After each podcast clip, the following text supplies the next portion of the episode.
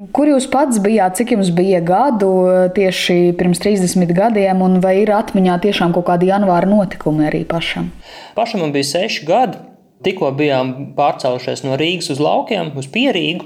Līdz ar to arī pietiekami spilgti piedzīvojumi, pārdzīvojumi tajā laikā sāka veidoties. Un uh, šis laiks tiešām veido man pirmās personīgās atmiņas. Bet arī par pašām barikādēm bija kaut kāda nojausma, vai, vai tajā vecumā vēl nē? Tieši barikādas varbūt tās arī ir viens no tiem spilgtākajiem momentiem, kad tēvs brauc uz barikādēm un pie radio sākotnēji viss klausījās Amerikas balsi un, un citas balsis.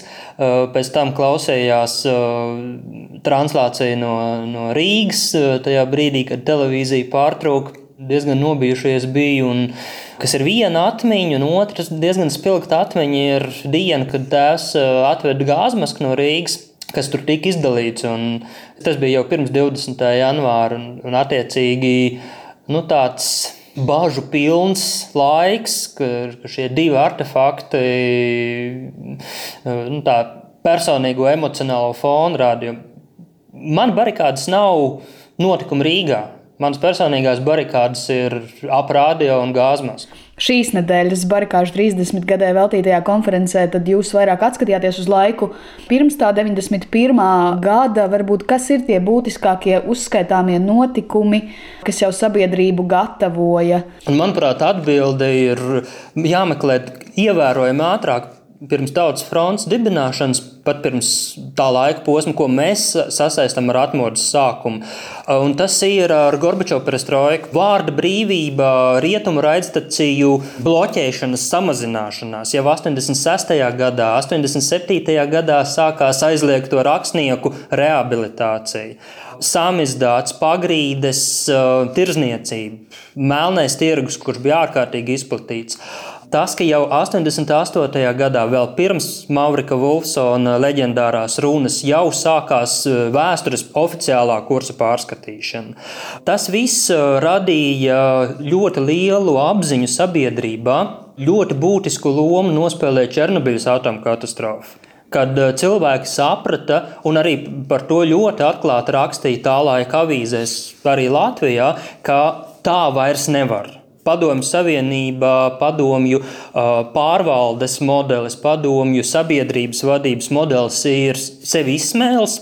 Un tā vairs nevar turpināties. Un tas varbūt tās ir tas galvenais dzinulis, tas galvenais, kas apvienoja ļoti dažādi domājošos cilvēkus. Karš Afganistānā, kas ir ilgāka laika posma notikums, kas drupināja ticību padomu režīmam. Tbilisī notikumi 89. gada 9. aprīlī Manā skatījumā varbūt tās ir, ir nepelnīti aizmirst no Latvijas perspektīvas skatoties, jo viņi arī bija ļoti plaši atspoguļot medijos, un šīs ziņas par centrālās varas, par armijas kam no vienas puses būtu jābūt uh, sabiedrības sargam, ļoti brutālo, ļoti vardarbīgu, asiņaino, tika lietot arī tādu vārdu kā genocīds pret padomu tautu.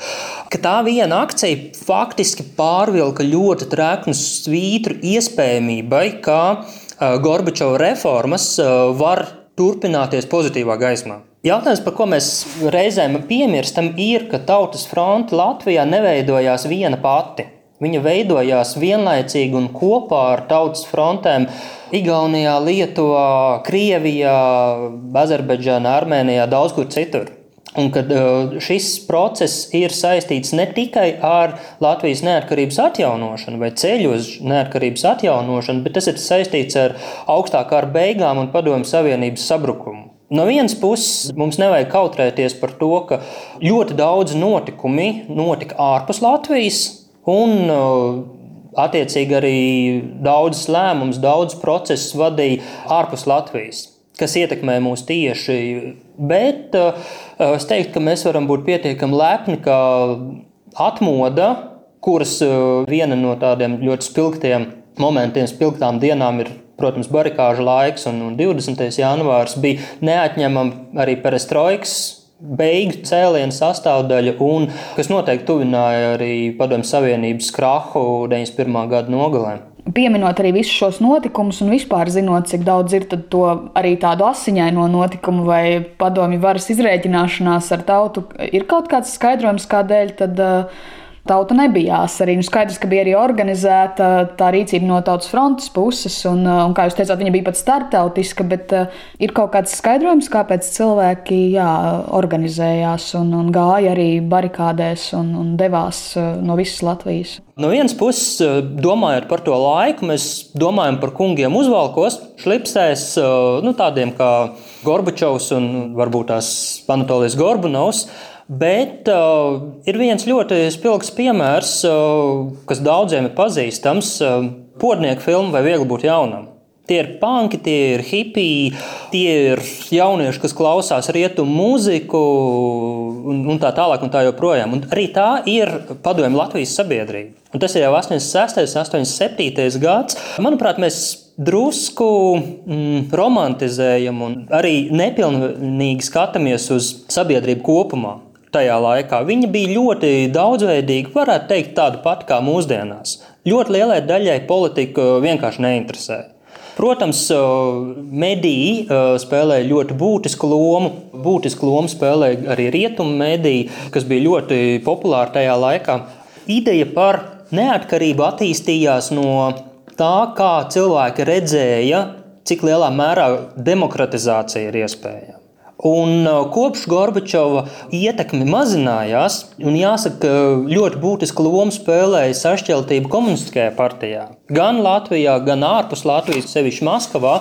Kā mēs varam redzēt, uh, pakāpeniski Gorbačova reformas arī sāk buksēt. Tā skaitā arī ekonomikā, un tajā laikā jau pašā Krievijā sāk attīstīties varas centrs ap Boris Jelcinu un, un šīs demokrātijas akcents tiek izvilkts daudz vairāk virspusē. Ar, ar to arī sadarbojās mūsu tautas fronte ciešā mērā.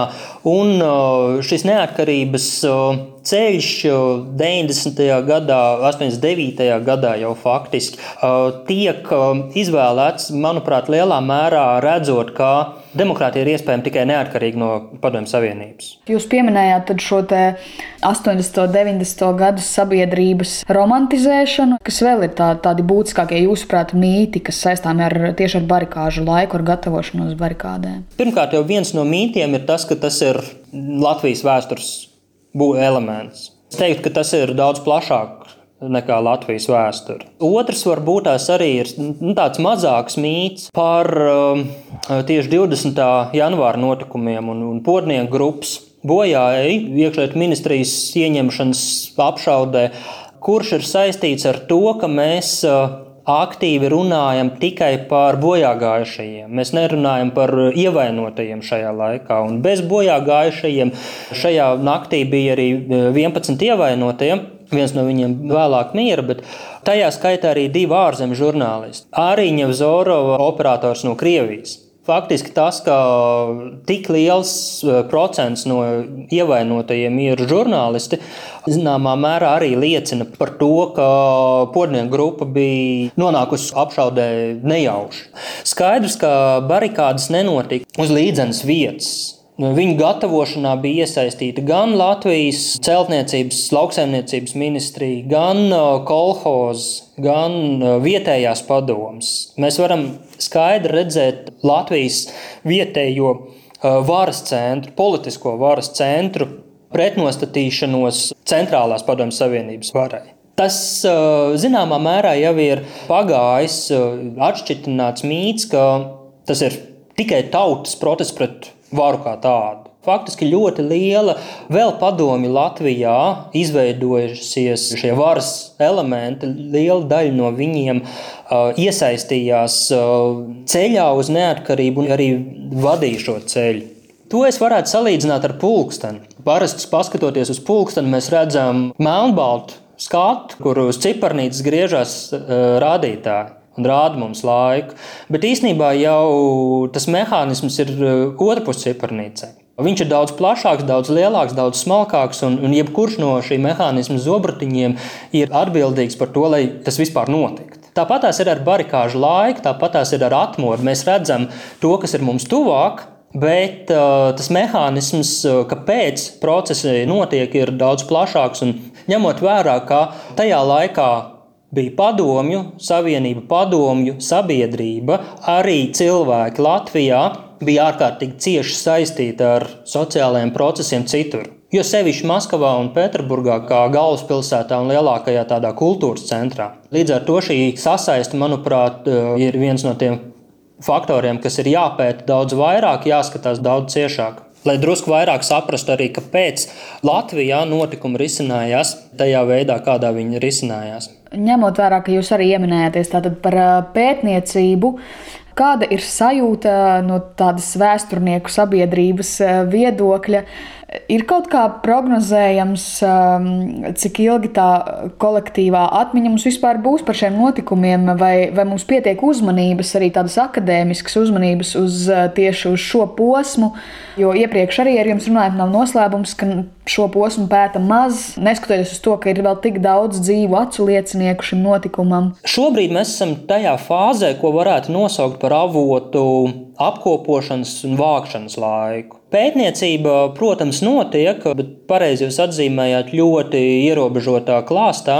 Tā skaitā arī finansiālais jautājums, protams, ietekmē to visu, un arī sabiedrības attieksmi. Faktiski par to, ka barikāžu laiks ir vēsture, īstenībā mēs domājam salīdzinoši neilgi. Es pat teiktu, varbūt pat līdz 2000 gadiem, varbūt pat vēl vēlāk, to mēs uztvērām kā politiku, kā ikdienu. Un, uh, protams, viens no iemesliem tam ir tas, ka barikāžu laiks un neatkarības atjaunošanas process nav tikai vēsture. Viņš nav tikai vēsturisks temats, Tas ir arī pamats, uh, konstitucionālajie pamati tai sabiedrībai, kurā mēs dzīvojam šobrīd. Mēs nerunājam par vēsturisku fotografiju ģimenes albumā, mēs runājam par, par tādu kā spoguli, kurā mēs varam redzēt, un īstenībā arī pēc kura attēla mēs varam izskaidrot šodien notiekošo.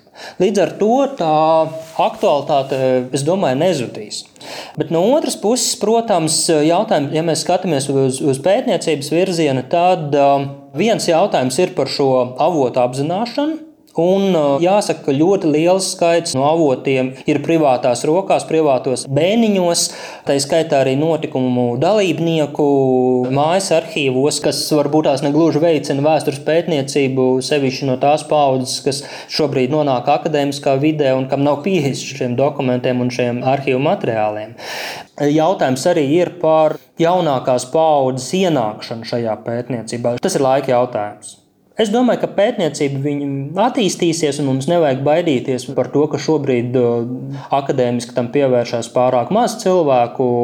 Tāpēc es pilnīgi droši varu aicināt arī, arī visus radioklausītājus, kam, kam ir kādas druskas mājās saglabājušās. Varbūt tās kādam šķiet, ka tas nav nozīmīgi, bet arī pats nenozīmīgākais sava laika dokuments vai sava laikmeta liecība var kļūt par izšķirošo, ja viņam uzdos pareizos jautājumus.